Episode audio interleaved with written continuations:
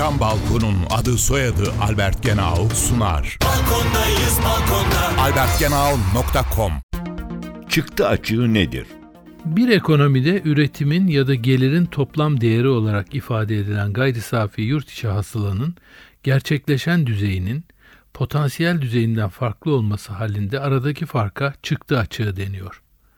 Çıktı açığının pozitif olduğu durumlarda talep fazlalığı ortaya çıktığı, dolayısıyla ekonominin normal kapasitesinin üzerinde çalıştığı ve bunun talep yönlü enflasyonist baskıya neden olabileceği düşünülür.